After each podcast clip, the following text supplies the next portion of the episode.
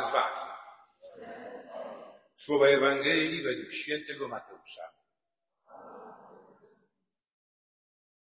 Piotr podszedł do Jezusa i zapytał, Panie, ile razy mam przebaczyć, jeśli mój brat zawini względem mnie? Czy aż siedem razy?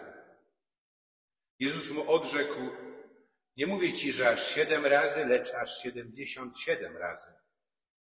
Dlatego podobne jest Królestwo Niebieskie do króla, który chciał się rozliczyć ze swymi sługami. Gdy zaczął się rozliczać, przyprowadzono mu jednego, który był mu winien dziesięć tysięcy talentów. Ponieważ nie miał z czego ich oddać, Pan kazał sprzedać go razem z żoną, dziećmi i całym jego mieniem, aby dług w ten sposób odzyskać. Wtedy sługa padł mu do stóp i prosił go, Panie, okaż mi cierpliwość, a wszystko Ci oddam. Pan ulitował się nad owym sługą, uwolnił go i dług mu darował. Lecz gdy sługa ów wyszedł, spotkał jednego ze współsług, który mu był winien sto denarów. Chwycił go i zaczął dusić, mówiąc, oddaj coś winien. Jego współsługa padł przed nim i prosił go, okaż mi cierpliwość, a oddam tobie. On jednak nie chciał, lecz poszedł i wtrącił go do więzienia, dopóki nie odda długu. Współsłudzy jego widząc, co się działo, bardzo się zasmucili. Poszli i opowiedzieli swemu panu wszystko, co zaszło. Wtedy pan jego wezwawszy go, rzekł mu, sługo niegodziwy, darowałem ci cały ten dług, ponieważ mnie prosiłeś. Czyż więc i ty nie powinieneś był ulitować się nad swoim współsługą, jak ja ulitowałem się nad tobą? I uniósłszy się gniewem, Pan kazał jego wydać go katom, dopóki mu nie odda całego długu. Podobnie uczyni wam Ojciec mój niebieski, jeżeli każdy z was nie przebaczy z serca swemu bratu. Oto słowo Pańskie.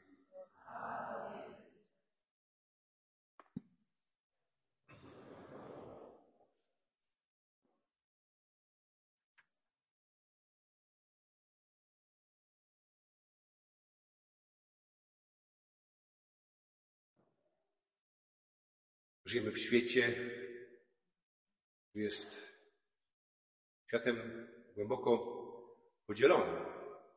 Podzielonym właśnie przez nasz egoizm, przez y, naszą wrogość, przez nienawiść, która trawi serce wielu, poprzez logikę tego, że mi się należy, logikę panowania.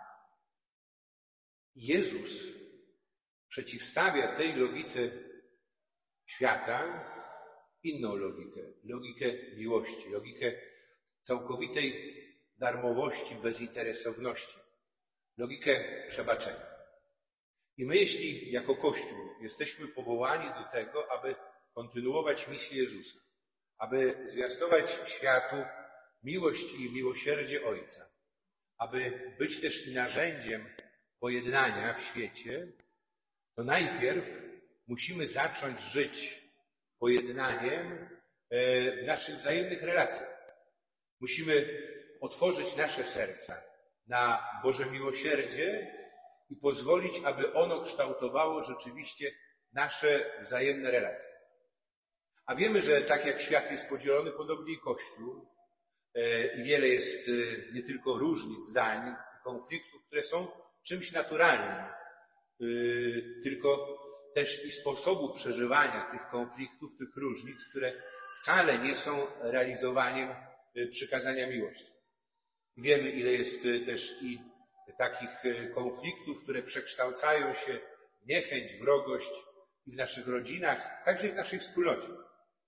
I teraz dzisiejsze Słowo Boże jest dla nas wezwaniem do tego, abyśmy e, otworzyli się na łaskę pojednania. Ale aby to nastąpiło z jednej strony, e, o czym słyszeliśmy? Po pierwsze, potrzebujemy takiej perspektywy, przed którą e, uciekamy i którą niechętnie przyjmujemy, a mianowicie przyjęcia, że nasze życie jest skończone. To nasze życie ziemskie, choćby trwało 100 lat, ono zakończy się śmiercią. I przyjdzie ten moment, kiedy każdy z nas ze swojego życia będzie musiał zdać sprawę Panu Bogu. O tym mówi Księga Mądrości Serafim. I tu nie chodzi o to, aby nas straszyć, tylko żeby w perspektywie właśnie tego ostatecznego spotkania i zdania sprawy z naszego życia popatrzeć na nasze wzajemne relacje. A z drugiej strony yy, Ewangelia, yy, Piotr, który pyta Jezusa o to, ile razy ma przebaczać i Piotr, który zdaje sobie sprawę, że Jezus przyszedł, aby obalić też i te pewne bariery zawarte w prawie Starego Przymierza. Prawo mojżeszowe nakazywało przebaczyć y, trzy razy. Piotr mówi o siedmiu razach, co jest już liczbą oznaczającą pełnię, doskonałość. A Jezus mówi nie siedem, a siedemdziesiąt siedem razy. Czyli niejako nieustannie i bez przerwy być gotowym do przebaczenia. Być gotowym do pojednania z innymi, z braćmi. To jest postawa, która jest czymś centralnym e, w życiu wspólnoty Kościoła e, i w życiu e, każdego z uczniów Jezusa. Pojednania, które jest przyjmowane jako dar, niczym niezasłużony od Boga i pojednania i przebaczenia, które też i przedłużając niejako to doświadczone ze strony Boga miłosierdzie, którym obejmujemy naszych e, braci, tych, którzy też wobec nas e, zawinili. To jest trochę tak, możemy powiedzieć, jak papież Franciszek, e, kiedy mówi o relacjach w małżeństwie. On mówi, niech w waszym domu fruwają talerze. Nieraz jak ktoś przychodzi się spowiada, że kłócił się z kimś bliskim, z żoną, mężem, w tym jeszcze nie ma nic złego. Problem jest jaki? Mówi, niech w waszym domu fruwają talerze, tylko żebyście szli spać pojednani. Nie dopuści, żeby te sytuacje konfliktowe, one właśnie przerodziły się narastającą niechęć, odsuwanie się od siebie, żeby prowadziły do e, zerwania czy osłabienia naszych wzajemnych relacji. A wręcz przeciwnie. E, I centrum tego jest w doświadczeniu miłości i miłosierdzia ze strony Boga. Tylko, że myślę, że nam brakuje takiego poczucia bycia Bożymi dłużnikami. Że my cały czas tkwimy w postawie mi się należy, E, a nie, że zostałem w sposób e, zupełnie niezasłużony przez samego siebie obdarowany i to czymś, co jest niewyobrażalne. O tym mówi ta przypowieść, którą Jezus e, opowiada swoim uczniom, którą dzisiaj nam opowiada. I tu wymagane jest wyjaśnienie, bo mało kto zdaje sobie sprawę, o jakich wielkościach mówimy. Po pierwsze, 10 tysięcy to jest w starożytności, w kulturze greckiej, w której się poruszamy, to jest najwyższa liczba. Oni nie znali pojęcia nieskończoności. Teraz 10 e, tysięcy to jest najwyższa wyobrażalna liczba, powyżej się już nie, nie liczyło dalej. A talent to jest e, miara około 32 kg kruszcu. Teraz wartość tego to jest wartość, przeliczono, 60 milionów dni pracy. Czyli 200 tysięcy lat. Pracując codziennie, bez święta, E, i oczywiście niczego nie wydają. Czyli liczba to całkowicie niewyobrażalna, dług, który jest absolutnie niemożliwy do spłacenia. Ale taki jest mój dług w stosunku do Pana Boga. I ten dług został spłacony. Został spłacony przez kogo? Przez Jezusa Chrystusa. Ja byłem winien śmierci. Mój grzech, moje odrzucenie Bożej miłości. E, życie, w którym ja jestem centrum i z którego usuwam e, Boga. Życie, które nie jest realizacją przykazania miłości, do której bez Chrystusa tak naprawdę nie jestem zdolny, ono zasługiwało na śmierć. Ale tę konsekwencję mojego grzechu wziął na siebie Jezus Chrystus i dobrowolnie ją poniósł na krzyż. Ja zostałem obdarowany.